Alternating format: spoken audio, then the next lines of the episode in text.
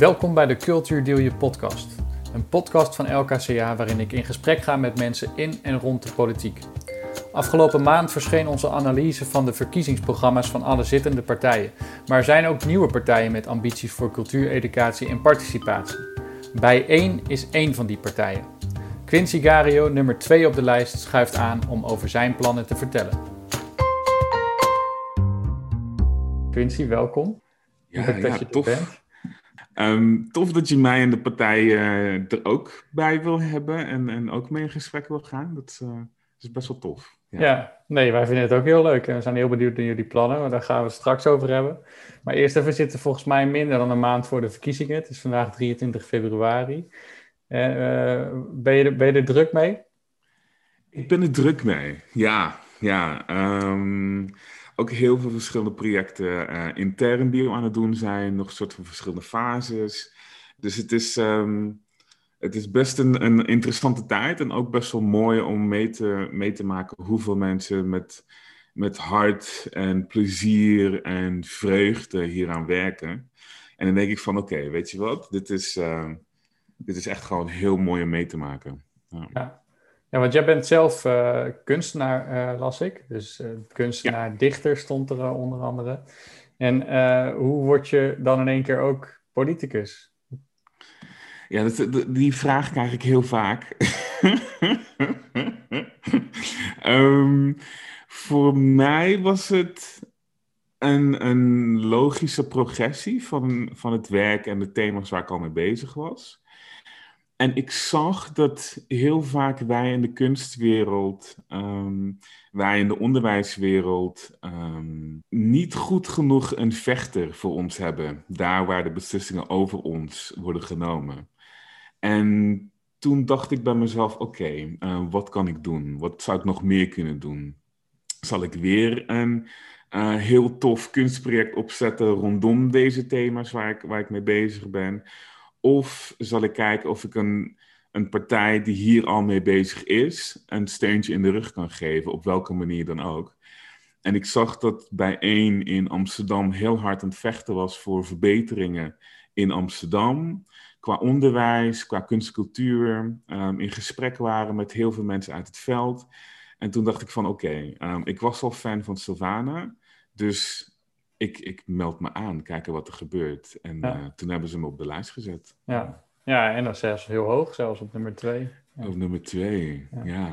Want, want vind je ook dat, eh, dat de huidige politici zeg maar onvoldoende snappen waar kunst en cultuur over gaat of waar het mee zit en hoe dat dus vervolgens in de politiek, eh, welke besluiten erover genomen moeten worden?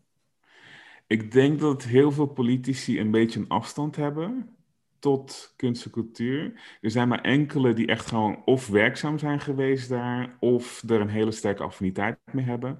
Maar wat je ziet bij heel veel politici is dat ze er heel plat over praten. Ehm, heel erg praten vanuit een idee van creatieve industrie. Dus heel erg over een soort van centen en hoeveel brengt het ons op en ehm, hoeveel gaat het voor andere mensen opbrengen. Terwijl het eigenlijk zou moeten gaan over de waarden. Hm. Ehm, en over de ideeën en over de manier waarop kunst en cultuur en onderwijs eigenlijk constant nieuwe werelden opent voor de huidige generatie, de generatie voor ons en de generaties na ons. En het is juist heel belangrijk om te kijken van oké, wat is de rol van politiek daarin? Van het Mhm. bepalen van de kaders waarin dat gebeurt, van de randvoorwaarden, van de werkomstandigheden, van de arbeidsvoorwaarden. En toen dacht ik van ja, ehm, ik denk niet dat ze helemaal snappen wat er precies gaande is. Nee, want wat is daar volgens jou gaande dan? Op dit moment worden wij ingezet als cheerleaders. Ehm, kunstenaars, kunst en cultuur wordt neergezet als soort van decoratie van grotere politieke ideeën, van andere politieke ideeën. Terwijl de kunstenaar en de kunst op zich gezien worden als bijzaak, die maar een beetje irritant zijn en eigenlijk gewoon heel veel opinies en meningen hebben waar ze in de politiek vrij weinig mee kunnen. En je ziet hetzelfde bij onderwijs. Ehm, je merkt dat ook bij onderwijs, op het moment dat bijvoorbeeld een onderwijsbond als AOB zegt van hé, hey, wij gaan geen gesprek voeren met een politieke partij die helemaal niet onze waarden uitdraagt of helemaal in de buurt van komt, dat alsnog politici daarmee in gesprek gaan. En zo eigenlijk het werkveld tonen dat ze niet echt naar hen luisteren. Toen dacht ik van oeh, dit is zo'n moment waarbij je doorhebt dat het contact met het werkveld, dat het contact met de mensen die het werkelijk doen, eigenlijk mist. En dat is jammer. Hm. Oké, en wel, wel interessant ook omdat er nu natuurlijk allemaal kieswijzes inmiddels zijn verschenen. En als je die invult, dan uh, zie je dat er bij één een beetje in de buurt van uh, D66, GroenLinks, uh, PvdA misschien een aantal partijen een beetje links-progressief uitkomt. daar zitten natuurlijk al best wel veel partijen. Wat was dan de noodzaak om er toch nog een nieuwe partij naast te zetten? Omdat heel veel van die partijen die um, zogenaamd op de linkerflank zitten, eigenlijk zijn vergeten hoe het is om te vechten voor uh, progressieve idealen. Um, heel veel sluiten compromissen, heel veel doen water bij de wijn. Maar dat zijn compromissen die gesloten worden met andermans levens. Hm. Um, heel vaak zie je dat er gedacht wordt van een procentpuntje hier of een procentpuntje daar. Um, dat scheelt niet zoveel, terwijl het voor ons in het werkveld juist heel veel betekent of er meer geld is voor muziekonderwijs, voor kunstenaars in de klas, voor tripjes naar niet alleen het Stedelijk Museum of het Rijksmuseum, maar ook gewoon een plek als W139 in Amsterdam of een plek als uh, Lok Brabant. Dat je denkt van oké, wacht even, hier gebeurt iets waarbij we zien dat er een noodzaak is om te spreken vanuit de gemeenschap zelf. En een van de motto's die wij hebben bij Bijeen is niets over ons zonder ons. Hm. Ja, en daarom, daarom ben ik nu ook hier bij jou te gast. Want ik ben een kunstenaar. Ik ben ook bezig met cultuureducatie. Ik zit ook in het onderwijs. Ik geef ook les. Dus ik snap wat de werkdruk is. Ik snap wat de condities zijn waarin we werken. En ik snap ook hoe vaak wij met onze inbreng op een zijspoor worden gezet en gewoon pap en nat houden, terwijl er vrij weinig werkelijk verandert. Hm. Eigenlijk verslechtert het heel vaak alleen maar. Want we zijn hm. nog steeds niet terug naar voor het eerste kabinet Rutte, voor Hakbijl, Hel, um, Hakbijl Zijlstra, Hakbijl of zo, toch? ja, daar komen ze ook nog op, want er staat ook nog wat over in jullie uh, programma. Uh, en uh, ja, dat programma, dat is eigenlijk de directe aanleiding dat we hier vandaag ook zitten. Want uh, we hebben met LKCA dan die analyse geschreven van de verkiezingsprogramma's. en omdat er 37 partijen meedoen dit jaar en de tijd toch beperkt is, hebben we ervoor gekozen om alleen zittende partijen te analyseren. En dan heb ik ook aangeboden om uh, partijen die er niet in meegenomen waren, nou, daarmee toch op een, een of andere manier uh, het verhaal te vertellen. Dus uh, nou ja, daar is de deze podcast uit voortgekomen. Maar loop je daar nou vaak tegenaan dat je merkt van ja, we zijn als nieuwkomer gewoon, ja, ons geluid krijgen we heel moeilijk onder de aandacht? Ja, ja en nee. Aan de ene kant ja, omdat heel vaak um, besluiten worden genomen op basis ook van werkdruk. Want inderdaad, om 39 programma's door te pluizen voor een instituut zoals die van jullie, die ook al niet al te veel geld ontvangt, dat is nogal veel werk. Dus dat, begrijp ik volledig. En, um, en, en nee, ik begrijp het ook niet helemaal, omdat het ook zoiets is van de huidige condities zijn gemaakt en zijn voortgezet door de huidige partijen. Dus dan is de vraag van, zijn de plannen die zij hebben werkelijk anders? Zullen ze werkelijk verandering toebrengen? En dan denk ik, dan is het mooier, of in ieder geval voor mij interessanter om te kijken van, oké, wie zijn de partijen die werkelijk wat nieuws brengen en werkelijk op een andere manier nadenken over het veld in plaats van binnen de gebaande paden en de kaders die we al hebben. Ja. En je merkt en ik denk dat dat voor ons ook heel interessant is. Het moment dat wij dus te maken hebben met die cut-off point. Weet je, dat er gezegd wordt van... hé, hey, jullie um, zitten niet met een zetel in de peiling op dat moment, nu wel. Um, of jullie zitten niet in de Kamer, dus we nemen jullie niet mee. Dan denk ik van, oké, um, dat zorgt er wel moeilijker... of dat, is, dat, dat, maakt het wel moeilijker voor mensen om ons te vinden. Omdat iedereen in die wildgroei van stemwijzers... iets probeert te vinden. En op het moment dat het allemaal dertien in een dozijn partijprogramma's uh, zijn, dan denk je van ja, oeh, dat is dan wel een gemiste kans voor ons om erbij te zijn. Dus ik ben heel blij dat we nu deze podcast hebben. En dan denk ik ook van, dit is wel heel tof, omdat juist het LKCA ehm, ook in het veld zit en weet wat er snapt. En daarom dus ook ehm, ehm, dit soort mooie en interessante projecten opzet om juist dieper in te gaan.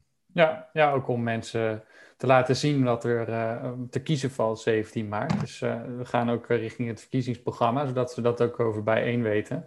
Uh, we, hebben met verschillende partijen ook een agenda gemaakt, eigenlijk met een soort input richting partijen. Van nou, hier kun je aan denken.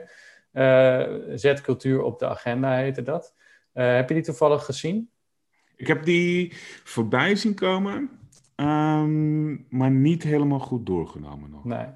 Uh, nou, we gaan dadelijk gewoon eh, langs de thema's die we daar benoemen en kijken eh, wat, jullie daarvan vinden. Maar ik ben ook wel benieuwd waar jullie dan, wie je dat schrijft, wie jullie verkiezingsprogramma schrijft en waar je dan die ideeën vandaan haalt. Nou, dus het verkiezingsprogramma is opgesteld door een brede groep. Um, we hebben heel vaak gesproken met ervaringsdeskundigen, dus ook met mensen die betrokken zijn bij de verschillende thema's of werkzaam zijn in het veld. We hebben ook met verschillende um, belangenbehartigers gesproken, belangenbehartigingsgroepen gesproken. En van daaruit hebben wij dan gekeken van oké, wat wordt er tegen ons gezegd? Um, en hoe pakken we dit op binnen het ideologisch kader die we zelf hebben? Ja, en daar, en daar is dit programma uit voortgekomen. Ja. Um, ja, wat ik altijd als eerste doe als ik hem ga analyseren, dat heb ik uh, bij jullie dus ook gedaan, is even kijken waar, waar cultuur eigenlijk staat. Want dat zegt heel veel over een, uh, over een partij. Hè? Uh, weet jij zo uit je hoofd waar, waar bij jullie in het programma allemaal cultuur staat? Volgens mij door het hele programma heen. Ik ben benieuwd. Gaan we zo kijken waar het nog meer... In ieder geval een heel mooi, een heel mooi hoofdstuk. Hè? Hoofdstuk 7 in jullie verkiezingsprogramma... dat helemaal gaat over kunst, cultuur en media. En dat, dat, daar staan zowel dingen in over professionele podiumkunsten... als ook over diversiteit en inclusie en, en, en onderwijs en dergelijke. maar we gaan even langs de thema's van, van de analyse... die ik ook heb gebruikt bij de andere programma's. En de eerste gaat over gelijke kansen van, van, van 4 tot 18 jaar. Ik ben heel benieuwd als je, als je daarop reflecteert als, als partij bij één. En wat zijn nou de grootste actiepunten voor jullie voor uh, cultuureducatie dan als je het hebt over de leeftijd 4 tot 18 jaar? Wat moet er dan echt gebeuren?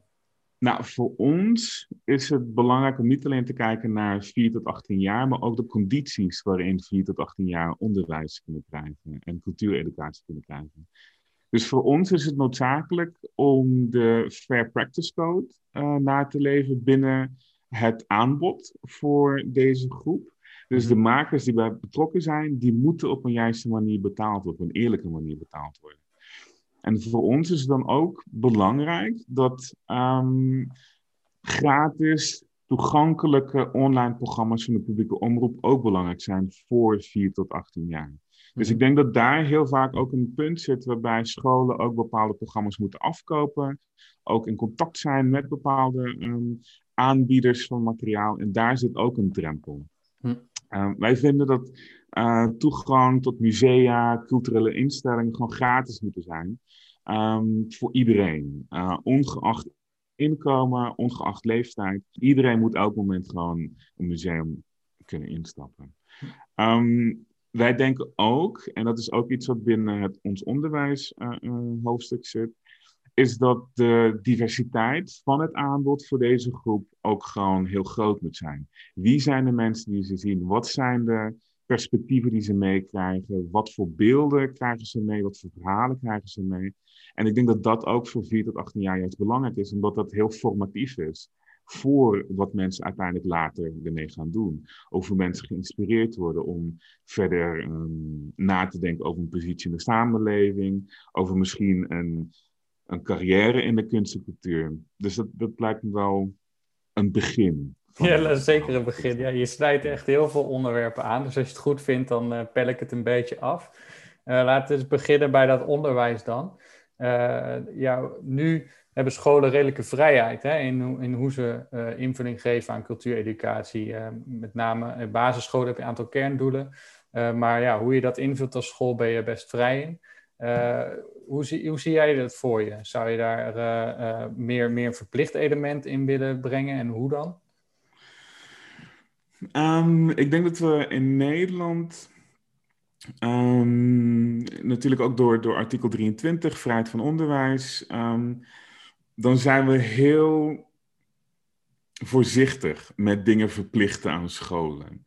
En ik denk dat dat ook wel belangrijk is om in ons achterhoofd te houden. In de zin van het moment dat je aangeeft van inclusiviteit en diversiteit is belangrijk, dan is de vorm waarin je dat doet heel belangrijk. En past dat binnen um, het kader van wat de school probeert aan te bieden.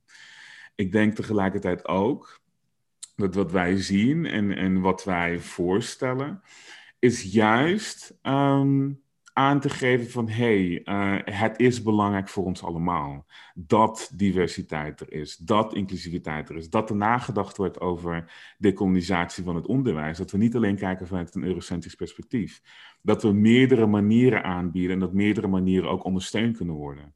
En ik denk dat daar ook als we kijken naar de invulling van kunst en cultuur, dat de mogelijkheden voor alle scholen gewoon hetzelfde moeten zijn. Dus niet bijvoorbeeld dat een student op het MBO of een student op um, de VMBO op een andere manier in contact komt met kunst en cultuur dan bijvoorbeeld een gymnasium of een ateneum of een VWO-student. En ik denk dat daar voor ons eigenlijk um, de, de crux ligt. Hoe zorgen we ervoor dat alle kinderen op alle niveaus toegang krijgen tot dit soort um, sectoren, als we het zo willen noemen, binnen onze samenleving. Dit soort invloedssferen, dit soort plekken waar er op een andere manier gedacht kan worden. Ja, maar daar snijd je wel een belangrijk punt aan, ook als je het verschil bekijkt tussen VMBO en MBO-studenten uh, vergeleken met leeftijdsgenoten op uh, HAVO, VWO of HBO daarna. Het aantal uh, ja, lesuren zou je bijna kunnen zeggen dat zij creatieve vorming krijgen of kunstonderwijs is gewoon lager.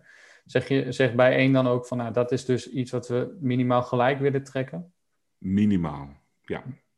En um, zitten daar dan ook uh, ja, middelen aan gekoppeld, zeg maar? Om ervoor te zorgen ja, dus... dat scholen ja, dat ook kunnen betalen, zeg maar? Ja, um, een van de dingen die we willen doen, en ik denk dat daar juist ook een, een heel mooi punt zit, is het moment dat je het hebt over het doorrekenen van, van partijprogramma's of doorrekenen van plannen, is dat er heel vaak gedacht blijft worden vanuit een bepaald ideologisch model waarbij de schaarste is. En wij zeggen, er is eigenlijk geen schaarste. Want op het moment dat Shell of een Starbucks of een KLM allemaal belastingvoordelen kunnen krijgen en we um, een van de grootste belastingparadijzen van heel de wereld kunnen zijn, dan betekent dat dat er heel veel geld omgaat. Dus het geld is er gewoon. Dus het hele idee van kunnen we het wel betalen, denk ik van ja, dat is een verkeerde. Want we betalen gewoon um, hoeveel miljard een KLM dat het nu niet hoeft terug te betalen.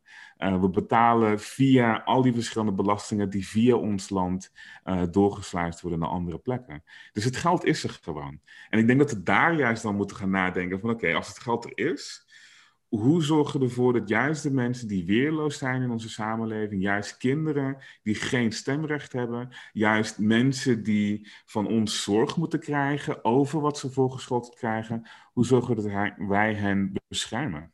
Ja, en dan nog één dingetje over dat onderwijs. Uh, die, die hebben misschien ook zoiets van, ja, komt er weer, weer zo'n uh, idee vanuit de politiek, nu moeten we weer meer met, met kunst en cultuur gaan doen. En we moeten ook al sport en gezonde school en burgerschap en en dit en dat. Jou, die zeggen misschien wel, geef ons gewoon de keuze om het zelf te bepalen. Uh, hoe, hoe, ga je daarmee om? Hoe zorg je dan toch dat kunst en cultuur op, uh, op het rooster komt te staan? Ik denk dat heel vaak het te maken heeft met werkdruk. Um, en het heeft te maken met te weinig mensen.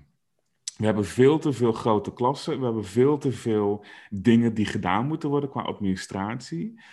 En wat wij dus inzien um, door de mensen die we, die we hebben gesproken, door onze leden, um, door, door wat wij zelf zien, is dat er heel veel goodwill is. Mensen willen dit doen. Ze hebben er gewoon de kans niet voor. En dan gaan ze prioriteiten opstellen. En op het moment dat je dus een prioriteit krijgt van hey, kunst en cultuur, dat kunnen mensen ook zelf buitenschool doen, dan wordt het niet meegenomen binnen de schooltijd. En ik denk dat daar eigenlijk uh, de crux zit. Want op het moment dat je dat aanpast, dus de werkomstandigheden waarin leraren werken, dat je dan heel veel meer ruimte hebt voor de creativiteit van leerkrachten, voor de creativiteit van schooladministraties, van uh, schoolbesturen. Er zijn heel veel mensen die daar rondlopen met hele goede ideeën en hele toffe dingen willen doen, maar die komen er gewoon niet aan toe. En ik denk dat dat eigenlijk het punt is. Hoe zorg je ervoor dat mensen die geïnteresseerd zijn in kunst en cultuur, die in onderwijs zijn gestapt om daar wat mee te doen, dat zij alle ruimte, alle vrijheid krijgen om dat daadwerkelijk ook om te zetten tot acties. Oké, ja, je noemde ook al heel even het uh, buitenschoolse. Uh, en uh, daarbij bijvoorbeeld in jullie programma inderdaad de ambitie om iedereen gratis toegang te geven tot musea. Maar zijn er meer dingen waar je aan denkt op het moment dat je het hebt over cultuurparticipatie? Dus dat iedereen kan deelnemen aan kunst en cultuur, hoe je dat zou willen realiseren? Nou, ik denk dat het um, ook ligt aan hoe zorg je ervoor dat we niet meer over kunst en cultuur praten met een grote K en een grote C. Um, hoe zorg je voor een horizontale beleving ervan en dat het niet meer gedacht wordt vanuit hiërarchieën binnen kunst en cultuur? Um, dat de opera net zo interessant is voor een kind van vier als een hip-hop voorstelling. Dat um, klassiek muziek net zo interessant is als een uh, heavy metal uh, band. Dan denk ik van daar zit volgens ons um, heel veel te winnen. In de zin van hoe zorg je ervoor dat het allemaal toegankelijk is. Want mhm. een opera die kost gewoon veel meer dan het lokale poppodium daarnaast. En dan denk ik van ja, maar dat klopt niet helemaal. Um, want het poppodium en die opera, er zijn allebei cultuuruitingen die gewoon toegankelijk moeten zijn op dezelfde manier. En daar moeten we voor vechten. Niet zozeer dat er onderling constant gewetijverd wordt, dat er onderling concurrentie is voor geld, of dat er onderling gezegd wordt van ik ben belangrijker dan jou. Nee, het is allemaal even belangrijk. En dat geldt ook voor regionale spreiding. Het is niet alleen iets wat binnen de Randstad moet gebeuren, maar ook daarbuiten. En ik denk dat er ook tussen die scheiding van Randstad en provincie ook gewoon af moeten. En we hebben het laatst nog gezien met heel veel van de toekenningen ehm, van, uh, uh, van de verschillende fondsen, dat er geklaagd werd dat er uh, buiten de Randstad heel weinig werd toegekend. En dan denk ik van ja, maar daar dat, dat is niet een kwestie van de Randstad en de provincie tegen elkaar uitspelen. Het is ook een kwestie van er is gewoon te weinig geld. Hm. En daar denk ik dat we naar moeten gaan kijken. Van hoe zorgen we ervoor dat niet onderling geconcurreerd hoeft te worden voor die schaarste die gecreëerd wordt. En een schaarste dat, dat er niet hoort te zijn en dat er niet hoeft te zijn. Maar daar kiezen we politiek voor.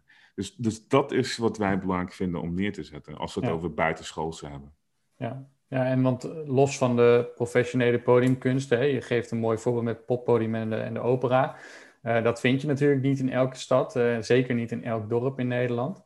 Dus hoe zorg je ervoor dat iemand die opgroeit in de Randstad, die zegt ik wil gitaarles, die heeft de, ja, er gaat een wereld voor hem open, zelfs ook aan zelfstandige docenten. Ten opzichte van iemand die in een dorp, misschien in het noorden of het oosten van het land opgroeit, die dat ook wil, maar dat die voorzieningen er gewoon niet zijn. Ja, voor ons gaat het, gaat het daarover toegankelijkheid. Um, dus de, de toegankelijkheid tot dat soort verschillende plekken, toegankelijkheid tot um, die, die, um, dat soort projecten, initiatieven. En wij willen, en dat, dat staat in ons programma, wij willen dus dat er een cultuurbudget komt voor elk kind dat zich in Nederland bevindt. Dus niet zozeer dat we gaan vertellen van hé, hey, er moet een opera komen, of er moet een opera of orkestgebouw komen in elk dorp. Mhm. Nee. Uh, we willen gratis OV, waardoor de mobiliteit tussen steden veel, veel beter wordt, veel handiger wordt. En we willen dus dat elk kind gratis naar instellingen kan en dat ze een cultuurbudget hebben die ze op welke manier dan ook kunnen invullen. En daar zit voor ons het ding. Het, is gewoon een kwestie van geef mensen de middelen. En dan mhm. zoeken ze het zelf wel uit. En dan weten ze ook wel wat ze kunnen doen en wat ze willen doen. Mhm. Heel veel wordt voor mensen afgesloten omdat ze gewoon überhaupt het geld niet hebben om eraan deel te nemen. Mensen kunnen niet naar de opera omdat ze kaarten niet kunnen betalen. Mensen kunnen niet naar het orkest omdat ze of moeten werken. Um, kinderen die daarbij ook, ook um, van s ochtends tot s middags op school zit en dan vervolgens nog een bijbaantje hebben misschien als ze op de middelbare school zitten, omdat ze bij moeten dragen aan het inkomen van thuis. Dan denk ik van oké, daar zit iets wat wij kunnen, waar wij, waar wij voor willen vechten en iets aan kunnen veranderen. Oké, maar en als ze het dan kunnen betalen, dan, dan gaat het vanzelf, denk je? Dus uh, zodra ze het kunnen betalen, gaan ze vanzelf naar uh, de opera of naar de muziekschool, of is daar nog meer voor nodig? Kinderen zijn nieuwsgierig. Ehm, kinderen die verteld worden, die um, blootgesteld worden aan wat er mogelijk is, die gaan het zelf wel opzoeken. Ik denk dat het juist gaat over het aanbod. En als het aanbod constant schaarste is, constant nee is, constant van we hebben geen tijd, dan doen ze het inderdaad niet. Maar op het moment dat je aangeeft van hé, hey, wij vinden het belangrijk als samenleving, wij vinden kunst en cultuur, wij vinden het contact met verschillende kunstvormen belangrijk. Wij vinden performance belangrijk. Wij vinden dichtwerk belangrijk. We hebben niet alleen maar namen van dichters op straten, maar je leest ze ook tijdens schooltijd. Ja, dan denk ik dat kinderen vanzelf al iets vinden waar ze in geïnteresseerd zijn. Dat moeten ook niet al te veel voor ze invullen. Hm. Kinderen zijn veel um, autonomer dan we, dan we heel vaak denken. Ja, oké. ja. En wat we ook wel veel zien is dat die voorzieningen waar kinderen dan als ze nieuwsgierig zijn naartoe kunnen, ja, de verantwoordelijkheid daarvoor ligt vaak bij gemeenten. dus de muziekschool is niet iets wat de Rijksoverheid betaalt, maar dat betaalt de gemeente. En uh, ja, je ziet toch wel dat veel gemeenten ook financiële problemen hebben en dan juist op dat soort voorzieningen moeten gaan bezuinigen. waardoor zelfs als die kinderen geïnteresseerd zijn, ze er niet eens meer naartoe kunnen. hoe zou je dat kunnen oplossen? Nou, door eigenlijk te zeggen waar je al op hint. Het Rijk geeft geld aan gemeenten, maar het geeft te weinig geld. Vorig jaar hebben we gezien dat um, omstreeks begin juli was er een demonstratie van burgemeesters en college van wethouders op het Binnenhof. Ik heb nog nooit eerder van mijn leven gezien dat de burgemeesters en college BNW's gewoon daar aanwezig waren om te protesteren dat het feit dat minister Ollongren überhaupt te weinig geld geeft aan verschillende gemeentes. En dan heb ik het niet alleen over gemeentes hier in Nederland, maar ook gewoon het feit dat er onderling ehm, ehm, tussen gemeentes te weinig geld wordt, wordt, wordt gegeven. Ehm, op Saba, op Bonaire, op Sint-Eustatius zien we precies hetzelfde. We zien daar überhaupt een verschil tussen investeringen in lokaal onderwijs. We zien daar een verschil tussen investering in lokale infrastructuur. En dan besef je van, oké, maar als het allemaal gedecentraliseerd wordt en, en steden worden nu verantwoordelijk gehouden, maar ze worden verantwoordelijk gehouden voor hetzelfde aanbod voor minder geld, ja, dan ligt de verantwoordelijkheid daarvoor niet zozeer bij steden om dat op te pakken, maar het ligt bij het Rijk, dat ligt bij de Tweede Kamer. En het ligt bij een hele sterke controle van wat de minister op dit moment aan het doen is. En het geldt dus ook voor het feit dat we partijen hebben die hiervoor vechten tijdens campagnetijd. En dan vervolgens, wanneer ze in de Kamer zijn, na de na de, na de verkiezingen eigenlijk het allemaal op zijn beloop laten. Hm. En daar moeten we dus wat aan doen. Oké, en vind je dan ook dat het geld dat naar gemeente gaat dus zogenaamd geoormerkt moet worden? Eigenlijk vergelijkbare vraag met het onderwijs zojuist. Hè? Dus dat je die, die keuze ook een beetje stuurt? Ja, dat is een moeilijke vraag, omdat je aan de ene kant ook weet dat steden en mensen die stemmen op de gemeenteraden ook gewoon op een bepaalde manier mogen invullen hoe zij omgaan met hun geld en wat zij belangrijk vinden als stad om dat in te vullen. Maar ik vind wel dat er een basis moet zijn van waaruit mensen zouden moeten kunnen tappen als ze verschillende projecten willen doen. Dus oormerken is misschien een groot woord, maar het is wel belangrijk dat er in ieder geval um, aan de hand van de Fair Practice Code, aan de hand van de Code Culturele Diversiteit en Inclusie wordt gehandeld en naar die budgetten wordt gekeken.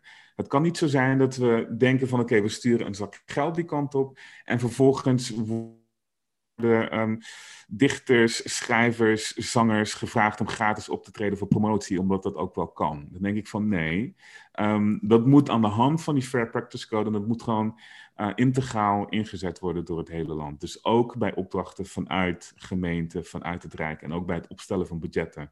Wat is nou een reëel budget en wat is een leefbaar inkomen die we kunnen hebben? Hm. Oké. Uh, nog een ander ding. Uh, we pleiten als, als kunst- en cultuurorganisatie ook al een tijdje voor de inzet van kunst en cultuur meer in het sociaal domein waar mensen met, waar we ook met vergrijzing en eenzaamheid en allemaal dat soort problematiek te maken hebt. Waar de kosten ook erg van oplopen. Waardoor de, de bewustzijn ook langzaam begint te ontstaan dat je misschien ook meer moet gaan investeren in preventie. En dingen als positieve gezondheid.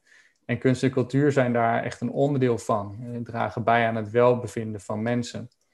Uh, maar dat zien we eigenlijk nog heel weinig terug. En ook in het programma van Bijeen heb ik het nog niet in de zorgparagraaf gevonden. Is dat wel iets nou, als je het zo hoort, dat je denkt dat past bij ons? Sowieso. Maar het ding voor ons is van, wij willen ervoor zorgen dat mensen binnen de sectoren zelf dit kunnen oppakken op een goede en juiste manier. We willen niet gaan zeggen van, hey, binnen de zorg moeten jullie met kunst en cultuur werken als er geen geld voor is. Ja, dat werkt niet. Als we te maken hebben met het feit dat we dit belangrijk vinden, dan betekent het ook dat we dus meer middelen eraan gaan geven en dat het dus ook elkaar gaat vinden. En ik denk dat dat een van de belangrijkste kernelementen is. Dus ja, binnen het sociaal domein moet het zeker terugkomen. Maar tegelijkertijd moet het ook niet zo zijn dat de kunst en cultuur als functioneel gaan inzetten. Dat de kunstenaars gaan vertellen van oké, je kan alleen maar binnen dit toegepast frame werken. Want daar zit je nog steeds binnen een bepaald idee van de creatieve industrie. En juist daar zien we dat kunst en cultuur wordt ingezet voor het ankeren van bepaalde andere ideeën dan waar kunstenaars, dan waar onderwijs eigenlijk mee wil bezig zijn. En dus binnen de zorg zeg ik van let's go, binnen sociaal domein, binnen publieke werken, ehm, met woningbouw in woningen, dan denk ik van let's go, dat moet er gewoon allemaal kunnen. Maar het moet wel zo zijn dat het gaat op een gelijke voet. En niet dat een kunstenaar en niet dat een onderwijspersoon, niet dat iemand een cultuureducatie, een theaterdocent verteld wordt van hé, hey, je kan het alleen op deze manier gaan doen. Want dan doen we geweld aan het feit dat kunst en cultuur inderdaad voor ons allemaal, ons welzijn gewoon belangrijk is. Hm. En hoe meer gekaderd dat is, hoe meer gekunsteld en hoe meer, hoe meer dat afdoet van wat het zou, zou kunnen betekenen voor iemand. Want het moment dat een kind ziet van oké, dit is alleen maar bezigheidstherapie voor mij, of dit is alleen maar een manier om mij van de straat te houden, of dit is alleen maar een manier om mij te zien als een probleem wat even opgelost moet worden, dat werkt niet. En ik denk dat dat juist belangrijk is. En bezigheidstherapie is goed, maar ook daar moeten we kijken van oké, maar hoe wordt het ingezet? Is het iets waarbij uh, een persoon die dat afneemt gezien wordt als hulpbehoevende, die niet zelf kan bepalen wat nou precies ze willen gaan doen, dat het aanbod um, te klein is. Ook daar moeten we gaan nadenken van oké, maar wat betekent het als we dit gaan doen, hoe we dit inzetten? En is iemand dan daadwerkelijk op gelijke voeten, gelijkwaardig? Of is iemand een pion in het spel van iemand anders? Ja, ja en dat willen we niet. Oké, nou het lijkt me heel interessant om nog eens een keer met je over door te praten, want daar is veel over te zeggen. Daar hebben we helaas de tijd niet voor. Ik ga naar de laatste vraag. Uh, dat is volgens mij een, een, thema wat jullie ook uh, door het hele programma heen wel echt uh, voorop hebben staan. Dus de, de meer die aandacht voor diversiteit. ook in de kunst- en cultuurparagraaf komt dat heel duidelijk terug. hebben jullie ook staan de code diversiteit en inclusie is opgesteld om hier, en dan gaat het over gebrek aan representatie, een einde aan te maken, maar de uitvoering ervan blijft achter. Uh, ik heb je ook nu een paar keer die code horen noemen en uh, die is er en die wordt volgens mij door de meeste partijen omarmd, maar de uitvoering is inderdaad de grootste uitdaging, concludeerde ook de Raad voor Cultuur. Hoe, uh, hoe denk je dat dat komt en hoe zou je daar ja, de partijen bij kunnen helpen om daar wel in die uitvoering echt stappen in te zetten? Ik denk um, dat het te maken heeft ook met het feit dat het tot, tot voor kort vrijblijvend was. Dus um, um, mensen hoefden zich er niet precies aan vast te houden. En tegenwoordig wordt het veel vaker meegenomen in de randvoorwaarders voor aanvragen bij fondsen, voor subsidies. En niet zozeer dat het anders moet, maar wat hun gedachte daarover is en wat ze eraan gaan doen. Um, en ik denk dat dat juist anders moet zijn.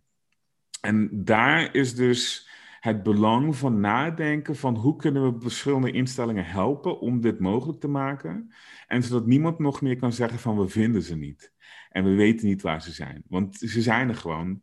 Ik ben eentje van. Um, ik denk dat de mensen bij jullie in het bestuur zitten die er ook uh, van zijn. En ik denk dat dat juist belangrijk is om aan te geven van het ligt aan de verschillende netwerken waarin getapt wordt. Dus hoe zorgen we ervoor dat die netwerken die er al zijn van, werk, van mensen die binnen het veld werkzaam zijn, met verschillende achtergronden, uh, met verschillende perspectieven, meegenomen worden. En dit geldt ook over leeftijd. En dit geldt ook over seksen. Dit geldt ook over seksualiteit. Hoe zorgen we ervoor dat juist die verschillende netwerken die er zijn, mensen die elkaar al vinden, dat die meegenomen worden en gezien worden. En heb ik het niet over een blik uh, mensen van kleur opentrekken, zodat mensen daaruit kunnen pakken, maar juist daadwerkelijk inzien dat dit belangrijk is voor hetgene waar instellingen mee bezig zijn binnen kunst en cultuur.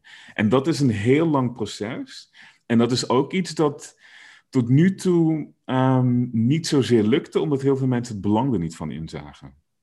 Maar goed, nu weten we dat juist onder andere in deze coronatijden het belangrijk is om nog meer te gaan kijken naar die diversiteit.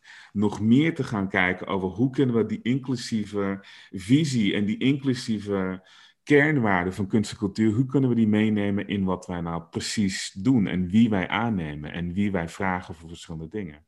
Dus wij willen daarom er ook voor zorgen dat er extra middelen zijn. Dus dat betekent weer een, een verhaal rondom geld. Niet dat er een soort van projectsubsidie is en nadat de projectsubsidie klaar is, dat de mensen weer weg moeten. Maar dat er structureel meer geld is voor dit soort um, verrijking van ons aanbod. Ja, ah, heel mooi. Uh, we zitten een beetje aan het einde van ons gesprek. Ik hoop dat de luisteraar een uh, goed beeld heeft gekregen van, uh, van jou en van wat bij één van plan is voor cultuur en met name educatie en participatie. En wanneer ben jij nou zelf tevreden als je na 17 maart wakker wordt? Ja, tevreden. Um, ik denk dat het voor mij en, en dat is misschien wel een beetje controversieel, want als politicus in spe of kandidaat, moet je altijd zeggen van, hey, stem en stem op van alles nog wat. Ik denk dat het heel duidelijk moet zijn na 17 maart, op basis van de uitkomsten, op basis van de opkomst, um, waar wij naartoe willen als land en waar we voor moeten vechten. En op het moment dat we ook zien dat het um, een kant op gaat waar we niet mee tevreden zijn, een kant op gaat dat voor ons allemaal gevaarlijk is, dat wij nog meer onze hakken in het zand zetten en nog meer de schouders eronder om dit land voor ons allemaal te laten functioneren. Dus voor mij, 17 maart is maar een datum. Ik denk eigenlijk over volgend jaar en het jaar daarna. Ik denk eigenlijk over van hoe zorgen we ervoor dat we het beeld van wat Nederland kan zijn, en moet zijn veranderen. Daar gaat het mij eigenlijk om. Ja, nou, mooie, mooie boodschap. En we gaan het natuurlijk volgen. Ik wil jou in ieder geval heel veel succes wensen en bedankt dat je de tijd hebt genomen om uh, je plannen uitgebreid kenbaar te maken. Sowieso, bedankt voor het aanbod. Het was echt heel tof, leuk gesprek. Bedankt voor het luisteren. Ik hoop dat je het interessant vond. Mocht je nou vragen of opmerkingen hebben of tips voor een volgende aflevering, neem dan contact met me op via basverberg.lkca.nl. Tot de volgende keer.